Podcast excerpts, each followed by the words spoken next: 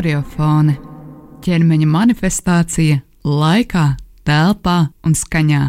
Dejas balss skan Dēns LV un Radio Naba. Esiet sveicināti radio klausītāji, esiet sveicināti arī tie, kas klausās šo ierakstu uh, podkāstu formātos. Latvijas Dejas informācijas centra žurnāls DNSLV pirmo reizi gan šeit, Radio Nabas ēterā, gan podkāstu vietnēs uh, ar savu pirmo epizodi ar nosaukumu par to, kas tad ir jauns un notiekošs baleta mākslā. Bet podkāsts Horiofona Dejas balss turpmākās nedēļas um, savās epizodēs sarunāsies un izzinās aktuālos procesus baletā, laikmetīgajā dejā, skatuviskajā tautas dejā un mūsdienu dejā. Sarunāsimies ar dejas dejotājiem, veidotājiem un vērotājiem par aktuālo un svarīgo gan dejai, gan cilvēkam. Podkāstu par um, valsts kultūra kapitāla fondu un radio naba atbalstu. Um, idejas veidotāji Latvijas Dejas informācijas centra žurnāls DNSLV un mans vārds ir Anne Tenikova. Turpmākās nedēļas um, vismaz desmit nedēļu uh, amplitūdā um, trešdienu pēcpusdienās, pulksten četros um, pēcpusdienā, uh, dzirdēsim uh, šos stāstus par dēļu šeit, gan ētera viļņos, gan arī interneta dzīvēs. Un pirmajā epizodē sarunāsimies par baleta dzīvi pandēmijas laikā. Šīs epizodes sarunas viesi būs baleta dejotāji un horeogrāfi Elza Leimane un Antons Freimans. Viņi šobrīd Latvijas Nacionālajā operā un baletā iestudē baleta izrādi divi metri. Šī saruna tapusi īsu brīdi pēc tam, kad ārkārtas stāvoklis valstī tika izsludināts otro reizi, un novembrī plānotās pirmizrādes tika pārceltas uz decembri. Tomēr, tomēr šodien jau ir um, pavisam skaidri zināms, ka tikai iespējams janvāra nogalē šī baleta izrāde varēs piedzīvot savu satikšanos ar skatītājiem. Atgādinu visiem, kas klausās, ka Šobrīd jūs klausāties jauno um, dejas podkāstu Horiofone, un um, nu tad uh, pievērsīsimies tam, kas šobrīd aktuāls notiek baletā. Iestudējums divi metri ir horeogrāfa Elzas Leimanas, Antona Freimaņa un Aivara Leimaņa vienlaikus gan nopietna, gan humora pilna reakcija uz baleta mākslinieku iekšējiem pārdzīvojumiem pandēmijas laikā. Šobrīd, kad valstī otro reizi ir izsludināts ārkārtas stāvoklis, un jauna šī pandēmijas vētra esam uz sarunu aicinājuši Elzu Lēmanu un Antonu Freimani. Sveiki un labvakar! Sveicināti! Kā jums radās šī doma skatītāju klātbūtnē izrādīt savas emocijas, kas ir piedzīvotas šī pandēmijas laika ietekmē? Sākotnēji tas bija domāts kā video projekts, un uh, tikai vēlāk, kad uh, kļuva skaidrs, ka opera turpinās strādāt, ja un skatītāji būs klāt, operas direkcija vai kas uh, izdomāja, ka to tomēr rādīs, bet uz mazās skatuves. Jā, jo tas projekts turpināja um, mainīties. Mums sākotnēji, uh, kad bija pirmo reizi ārkārtas stāvoklis valstī, uh, mēs aizgājām tādā dīkstāvē, kas bija trīs mēneši kopumā. Ja, tas sanāca. Tā kā pirmais mēnesis mēs bijām mājās, uh, mums piegādāja grīdu, mēs trenējāmies paši, tad mēs trenējāmies jau zūmā ar pedagogiem no operas, tad, protams, arī ar pedagogiem visu, kas tik dāsni bija pieejams online. Un, un, un tad kaut kad maijā mums bija jau iespēja, ka mēs drīkstam nākt uh, operā. Mēs bijām sadalīti grupās, ļoti stingri tā rotācija, kā viena ienāk, otra aiziet, lai mēs nesatiktos. Un, un, un tas viss bija tā stipri dīvaini. Tagad pat liekas, ka tas nav bijis, ka tas bija tik uh, jocīga pieredze. Un, un, un, jā, sākumā bija domāts, ka mēs strādāsim visu vasaru un ka mēs taisīsim šo darbu, bet tad um, mēs aizgājām atvaļinājumā. Mm, nu, tā tas kļuva par uh, projektu jaunajā zālē. Tagad novembrī, nu jau decembrī, un tad jau redzēsim. cerams, ka decembrī tas atnāks pie skatītājiem. Bet cik ilgi jūs nodzīvojāt šajā te, um, pandēmijā, lai uzkrātu emocijas un piedzīvot tās notikumus? Un kurā brīdī tapa šīs izrādes um, ideja un tas plāns, kā tas viss uh, sākās un kā tas struktūrējās tādā izrādes formātā? Nu, man šķiet, ka Aivars man piezvanīja kaut kur mai, maijā vai aprīlī. es biju mežā staigājis, un viņš man zvanīja. Un teica, ka kaut ko ir jādara, lai nesijuktu prātā.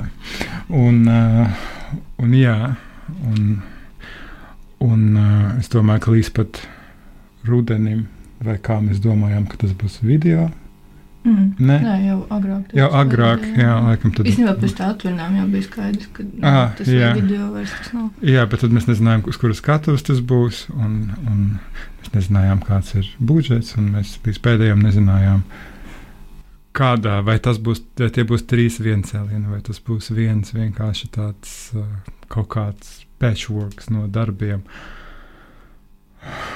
laikam pie tā pēdējā varianta mēs nonācām pavisam nesen. nu jā, es domāju, ka atslēgas lai, lai, vārds šim laikam vispār ir neziņa, un tā neziņa un mainība ir ļoti stipri iejausta šajā darbā, bet uh, katra grūtība rada jaunu sākumu. Man liekas, tas ir arī ļoti interesants šajā posmā, jo mēs visādi izlienam. Liels paldies uh, Kultūra Kapitālam par atbalstu. Šis to pateicoties viņu atbalstam. Un, bet mēs nu, visādi dienām caur organizāciju, lai sevi apģērbtu. Un, un, un, tā kā nu, tad visā ir kaut kas ļoti jauks. Jā, man liekas, ka šis ir laiks arī, kad var mācīties no dažādiem ierobežojumiem. Un varbūt kas ir bijis jums, nu, nu, labi, izaicinājumi, es ticu, ir bijuši daudz, bet tādi izaicinājumi, ar, par kuriem jūs paši lepojaties, kas ir pārvarēti un izdzīvoti. Mm, to, ka mēs spējām saglabāt formu, un tad, kad atgriežoties dejot izrādes, kas bija nu, jau šo sezonu, tā sajūta bija stipri labāka, jo bija ļoti daudz bailes, kā tas vispār būs atgriezties, bet kaut kā tā jauda un prieks un varēšana, tāpēc tagad ir drusciņi tāds, ah, kā, kā ir tā pauze, jo ķermenis jūtas labi, un tu pats jūties tik fiziski labi un varoši, un mm, tas viss notiek ar trīskāršu intensitāti, arī emocionāli, kā mēs piedzīvojam katra izrāda kā apzeltīta. Liekas, tas laiks. Un tu viņu pat līdz kaulam izbaudi to mirkli, nevis tur uh, domājot par kaut kādiem turpmākiem plāniem. Ja? Jā. jā, īpaši pēdējās. Jo mazāk skatītāju zālē, jo vērtīgāks tas, jā, tas, jā. tas viss pasākums kļūst patiesībā. Un patiesībā, tad, kad bija 500, vispār nevarēja just, ka tā ir puszāle. Jo tā enerģētika un atsaucība, nu tagad ar, tiem, ar 300 es vairs nedabūju nodejot, bet tas jau tā spocīgāk. Nē, bet viņi tik skaļi uzreiz aplaudēja. Viņi uzreiz paši izpaužās tie skatītāji. Mums būs, diemžēl, tikai 200 jaunās mm -hmm. zāles. Cerams. Jā. Ja to vēl nonāks. Man liekas, ka arī skatītājiem šī tikšanās klātienē ar māksliniekiem ir uh, savi svētki. Jo tik daudz, kas eh, šobrīd un šī gada laikā ir pārvērsts digitālos formātos, ka šis klātienes efekts gan Jā. skatītājiem, gan māksliniekiem dod tādu nu, papildus svētku sajūtu.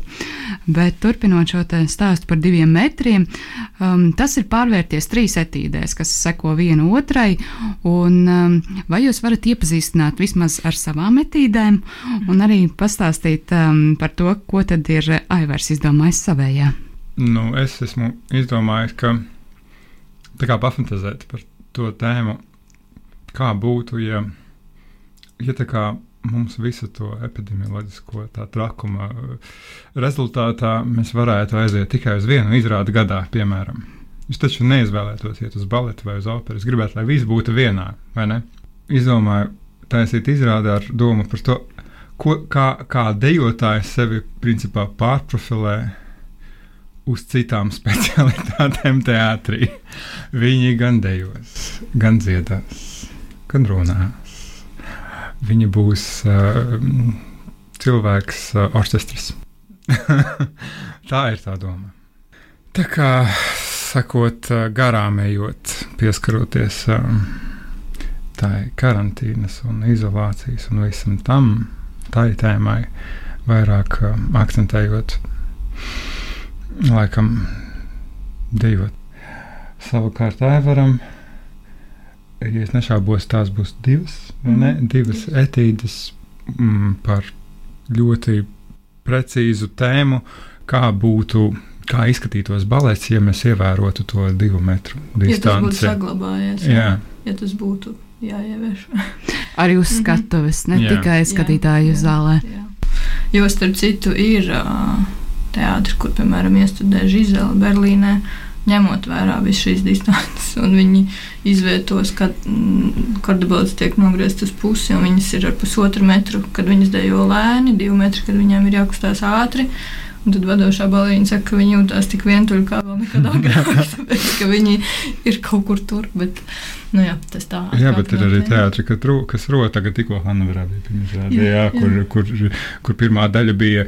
Nu, tik ļoti gribējās, lai tie dejotāji beidzot saskarās Jā. kaut kādā punktā, bet Mhm. viņi visu laiku ir to astotni saglabā viens no otra. Tas ir ļoti Nu, jā, dīvaini. tas tāds jauks uh, plus šajā laikā, ka ir tur nezinu, pa trīs mārciņām var nostīties Crystal uh, jaunāko darbu, vai es nu pat NDT skatījos, NDT2, uh, kur viņi jau apzināti zinot, nu, ka viņiem pat tie 30 skatītāji, kas sākotnēji bija pieļauti vēl pirmo reizi, ka viņi translēja, tagad arī tie nav, nav atļauti, un tad viņi strādā tikai kamerai, un arī tur rodas viss kaut kas asprātīgs un foršs.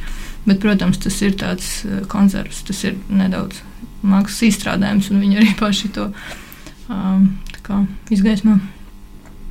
Bet jā, par savu darbu mans, mana miniatūra, jeb ilgusi etīde, sauc līdzcilvēks. Un inspirācija, godīgi sakot, ir paši dejotāji. Man ir teikt, pusotrs sastāvs.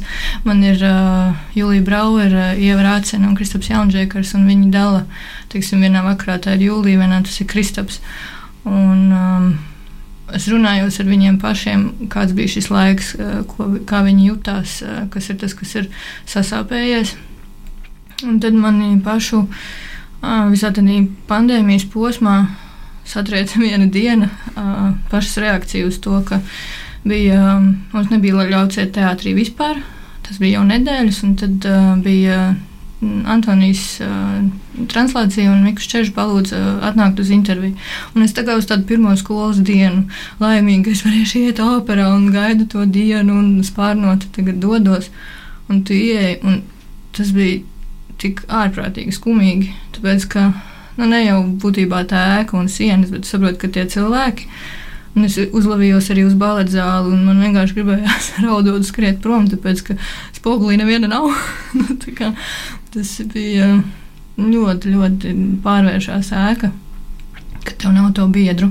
Un arī tas treniņi, rast motivāciju, mēs ar savu izslavēto motivāciju un punktualitāti, nu, ka tev nav tas laika rāmis, ka tev nav noteikta stunda, un tas, zinu, ka atlēti no šī arī cieši beidzot uh, savas karjeras, saka, ka viņi visu dzīvi ir pieraduši būt kaut kādā režģī un rāmī.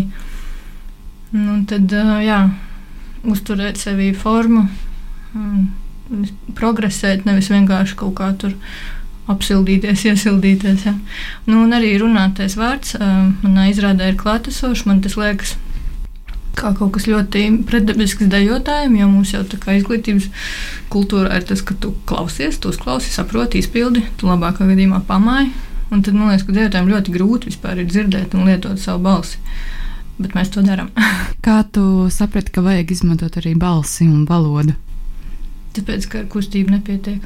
Nu, jau ir tas brīdis, kad liekas, ka ir tik vienkārši gribas kliegt. un uh, valsts ir ļoti interesants rīks. Un, uh, Viņiem pašiem ir tas kā atklājums. Un arī godīgi sakot, no savas pieredzes, tāpēc, ka man bija paniskas bailes kādreiz runāt no skatuves, bet tad tās pārvarot, atklājās um, ļoti jauks iespējas, kā teātris un kino pasākumu vadīšana. Un starp citu, jā, man šomēnes vismaz viena pirmizrāde notiek. Tā ir Lāsas Pakalniņas filma, kur uh, pagājušā vasarā filmējos, un 22. novembrī Igaunijā gan neredzēšu, bet ir pirmizrāde. Kultūra pavisam karantīnā nevar ielikt, un kultūra laužas ārā, tā skaitā arī dēļa. Kas ir tie varbūt tie sāpīgākie punkti vis, visā šajā pandēmijas laikā, par kuriem gribas kliegt, raudāt, izmest miskastē, kas tas ir? Un, uh, vai jūs arī nu, šajā ieilgušajā pandēmijas laikā nu, mazliet saprotat, kā ar to sadzīvot vai cīnīties? Vai ir vieta, kur izkliegties? Mežā. Nē, nu, ja godīgi, kaut kā ļoti ātri gribas vērsties pret uh, pozitīviem aspektiem, arī trenējoties vienatnē, cik detalizēti var izjust savu ķermeni, ka tu vari pūlēt lietas, kur tev ikdienā laika nepietiek. Ka mums, pieņemsim, tādā posmā, kad mēs nācām tikai uz treniņu stundu, ka tā treniņu stunda, kas parasti ir iesildīšanās, tev kļūst par dienas galveno daļu, ja tavs profesijas galveno daļu. Un, un, un, bet, nu, protams, jā, tā enerģijas apmaiņa ar skatītāju.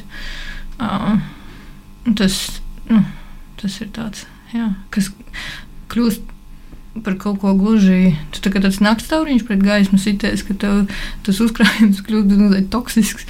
Jo tev nav šīs apmaiņas. Un tas nevis tāpēc, ka tev gribas būt uz skatuves, bet tev gribas dalīties. Tas ir tā kā, ziniet, kad ir skatuves mēģinājumi. Un mēs esam divas nedēļas uz skatuves bez, bez skatītājiem. Un tad jau otrajā nedēļā pie beigām ir sajūta, ka tu vienkārši dedzini sevi, tāpēc ka nav, nav tas nav atbildes zālē. Bet pēc tam tas stipri mainās, jā, kad atnāk līdz cilvēkiem. Man bija ļoti labi. man patīk atpūsties. Man patīk iziet arī ārā no tās teātras atzīves, iedzīves, jo, jo, jo citādi man ir tāda sajūta, ka es vāros tikai savā sulā vienmēr. Jā, un, un te beidzot varēja, lai arī mūsu nelielas valsts robežās varēja iziet ārpus, izbraukt kaut kur ārpus, varēja nedaudz iedvesmoties no visa kā ārēji jo, jo galu galā arī, arī viss tas. Uh, Viss tas, kas tagad uh, bija piedāvāts online, visas tās teātris izrādes, dēļas izrādes un tā tālāk, mums beidzot bija tā iespēja to visu noskatīties. Jo parasti sezonas laikā, kad tu dejo, tev nav tam nekāda laika. Tev katru vakaru ir izrāde, Un tu esi savā, savā baleta burbulī, savā, mm. savā tajā keidžā. Tā kā man ļoti patika tā, tas pašizolācijas laiks. Man bija jauki, skaisti un, un pašreflektējoši piepildīts laiks. Jā. Redz, kā. Vienam, vienam ir nu, tādas sajūtas, citam ir citādākas, bet um, nu, divi metri ir izrāde, kas sastāv no vairākām daļām, un katrs no jums var izra izrādīt to, kas nu, ir tās tie aktuālākie jautājumi šajā pandēmijas laikā, bet tomēr šī izrāde ir satikšanās ar skatītājiem, un kas ir tas, ko jūs gribētu, lai skatītāji gūst no šī iestudējuma un nu, varbūt paņem līdzi? Mums skatītāji šoreiz sēž divās pusēs, un uh, es gribētu novēlēt un dod tādu mazu norādi, ka ir vērts atnākt vienreiz un otrreiz un sēdēt vienā un otrā pusē. Tādēļ, kā nomainot leņķi, var pieredzēt kaut ko citu, bet vairāk es neko neteikšu.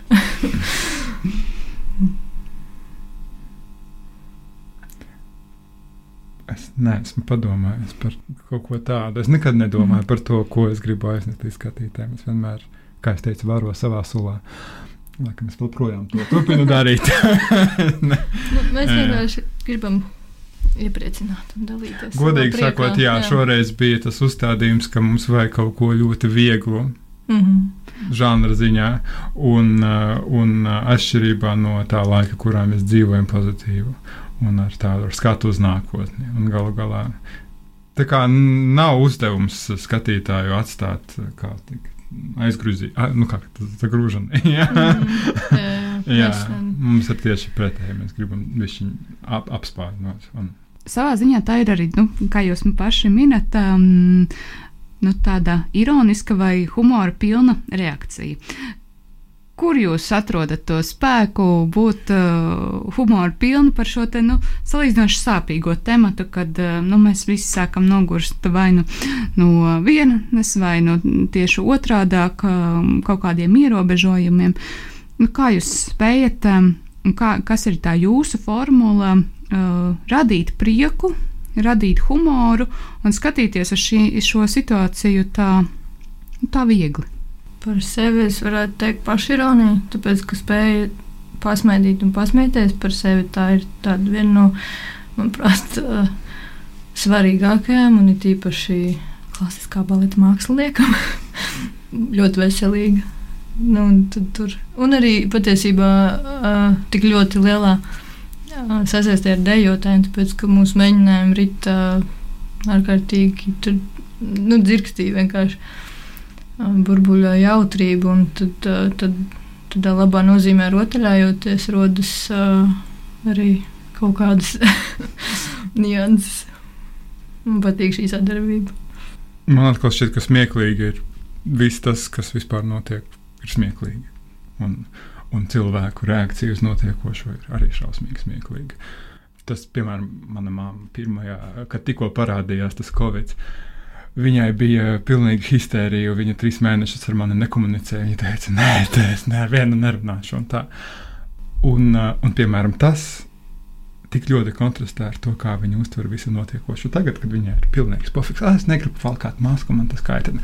Nu, mm. tā, un kad, cik ļoti cilvēkiem izmainās visi tie uzskati par, par notiekošo, par pasauli, par, par, par apkārt esošiem cilvēkiem, kā mainās visi tie veidi, kā mēs komunicējam. Jā, es domāju, ka tas tas, tas ne, ne, neklātienes komunikācijas formāts arī ir diezgan smieklīgs. Un, komandisks. Paši, ka mēs te sēžam studijā, vai ne? Jā. Jā.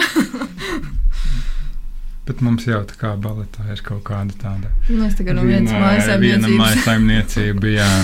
un es atrodos gana tālu. Jā, droši. Šis ir tikai sākums, un ja tas ieilgs, tad visa mūsu savstarpējā komunikācija, saskarsmes, prasmes, viss, ko, piemēram, māca komunikācijas zinātnēs par um, interpersonālo un tuvo komunikāciju, nu, tas sabruks visas šīs te teorijas un veidosies jaunas. Un man mm. liekas, ka šis ir tāds, nu, šis ir tāds iekšējais cilvēku karš, kas varbūt uh, pavērsīs, um, atvērs jaunas paradigmas uz uh, notiekošo pasaulē, un tā skaitā arī mākslā. Ja šis viss ieilg, kādu jūs redzat baletu un baleta deju un visu, kas šo te baleta pasauli? Nu, kā būtu, ja būtu. Ja.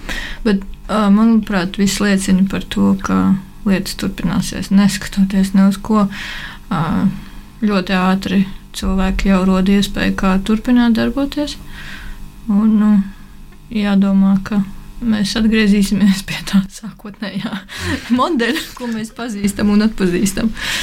Tāpēc šis ir tāds pārējais posms, kas, protams, maina lietas, bet uh, tam Nu, es būt, domāju, ka kultūra nevar mainīties. Tur, nu, tur, tas nav tāds, tas nav digitāls process, tas nav tehnoloģisks mm, process. Tā ir, ir vienkārši izēja patreiz jā. no situācijas, jā. bet to nevar uzskatīt par pilnvērtīgu. Jā. jā, jo mēs jau runājam par cilvēcīgumu šajā te, um, mūsu kultūras jomā, jā, un, un tehnoloģijas ir tam pilnīgs pretstats. Um, Mūsu uzdevums ir saglabāt cilvēku kādu, kādu kāds viņš ir, jā, ar visām tam, kā tā, pret, ar visiem tiem iekšējiem paradoksiem un to, kas cilvēkā ir iekšā, kas ir ārpus tā tehnoloģiskā ideāla, pie kura mēs šobrīd ejam. Jā, tāpēc teātris nevar būt digitāls un, un, un distancēts. Teātrim ir jābūt tādam klāt esošajam mm. un pat taustāmajam un tādam ļoti siltam un, un īstam un miesīgam. Labi, pamazām noslēdzot arī mūsu sarunu. Kas ir varbūt nu, tāda mazā ieteikumu formula tiem, kas klausās un kuriem ir grūti saglabāt šo iekšējo mieru un uh, humoru? Kā to saglabāt sevī šajā laikā? Mm. Ejiet dabā. Dzīvojiet veselīgi. Mm. Ievērojiet režīmu. Tas palīdzēs kaut kā, man liekas, turēties kaut kādā struktūrā. Nu, es atkal ieteiktu kaut ko pretēju. Es teiktu, dariet mm -hmm. ko, ko to, kam pirms tam nav bijis laika. Un, un, un izbaudiet beidzot to brīvību no varbūt ierastajiem ritmiem, ierobežojumiem un steigas. Bet citus tieši tā brīvība dzen izmisumā. Bet tieši, cik cilvēku jā, jā. iespēja? Lielas jums paldies! Atgādinu visiem, kas klausās pie mums uz sarunu viesojās horeogrāfi Elza Leimana un Antons Freimanis.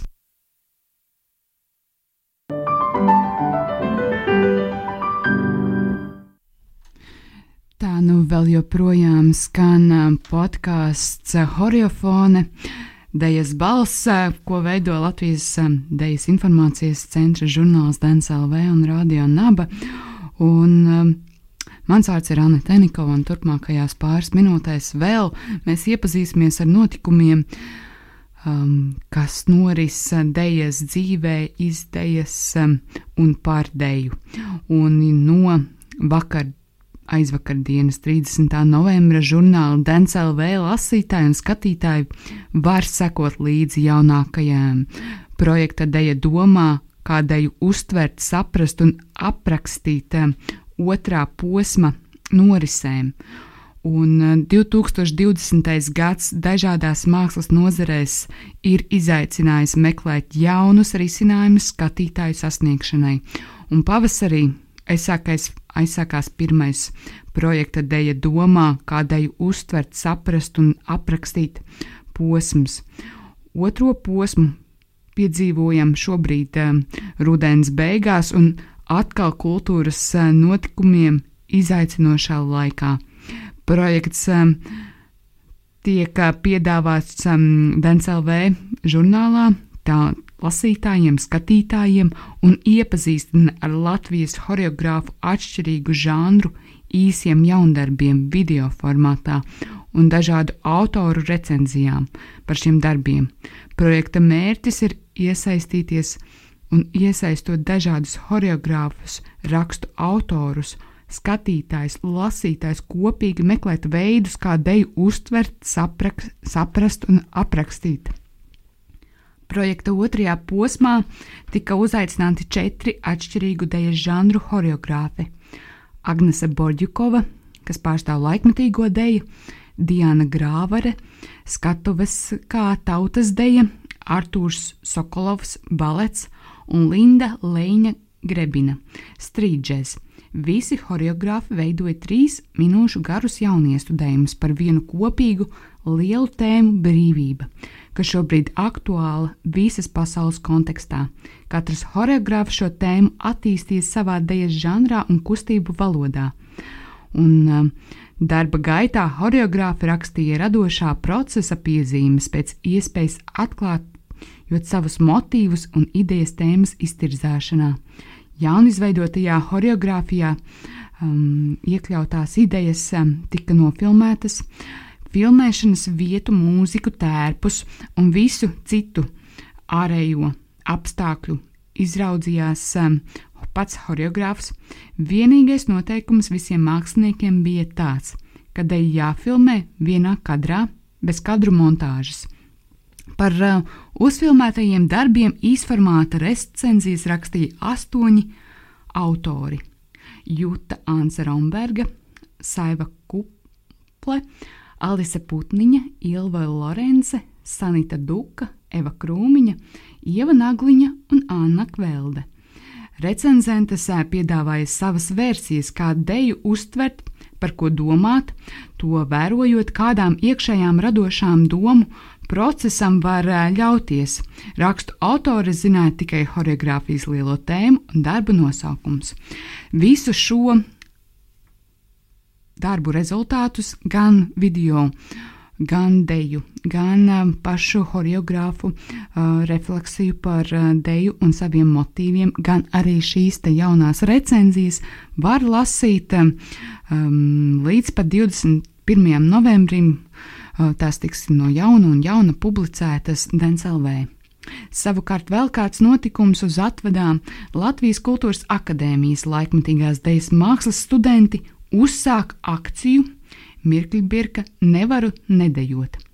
No šodienas, 2. decembra, Latvijas Kultūras Akadēmijas Facebook lapā tiek uzsākta akcija Nevaru nedējot dodot iespēju ne tikai tuvāk iepazīties ar Latvijas Kultūras Akadēmijas bakalaura programmas laikmatīgās dēļas māksla, 21 topošo absolventu, bet arī piedāvājot dažādas interpretācijas par etāpas brīdi, kas tik ļoti nepieciešamas pavadot daudzas stundas pie datora. Laikmatīgās dēļas māksla Topošie absolventi zina, ka ilgi nosēdēt uz vietas, īpaši pie datora, ir nomācoši un grūti. Tāpēc akcijas nevaru nedējot. Ietvaros katru dienu līdz Ziemassvētkiem studenti aicinās starp garajiem stundām pie datora atrast dažas minūtes kustībai. No 2. decembra katru dienu pa vienam jaunam deju studentu piedāvātam interpretāciju video par attēlpas brīdi kuram viņi aicina arī pievienoties. Šis bija podkāsts Horeogrāfa Dējas balss, pirmā epizode, un vairāk par to. Tajā mēs runājām par baletu, pandēmiju un to, cik ļoti šis laiks mūs ietekmē un ietekmē gan dejā, gan cilvēkos. Thank you.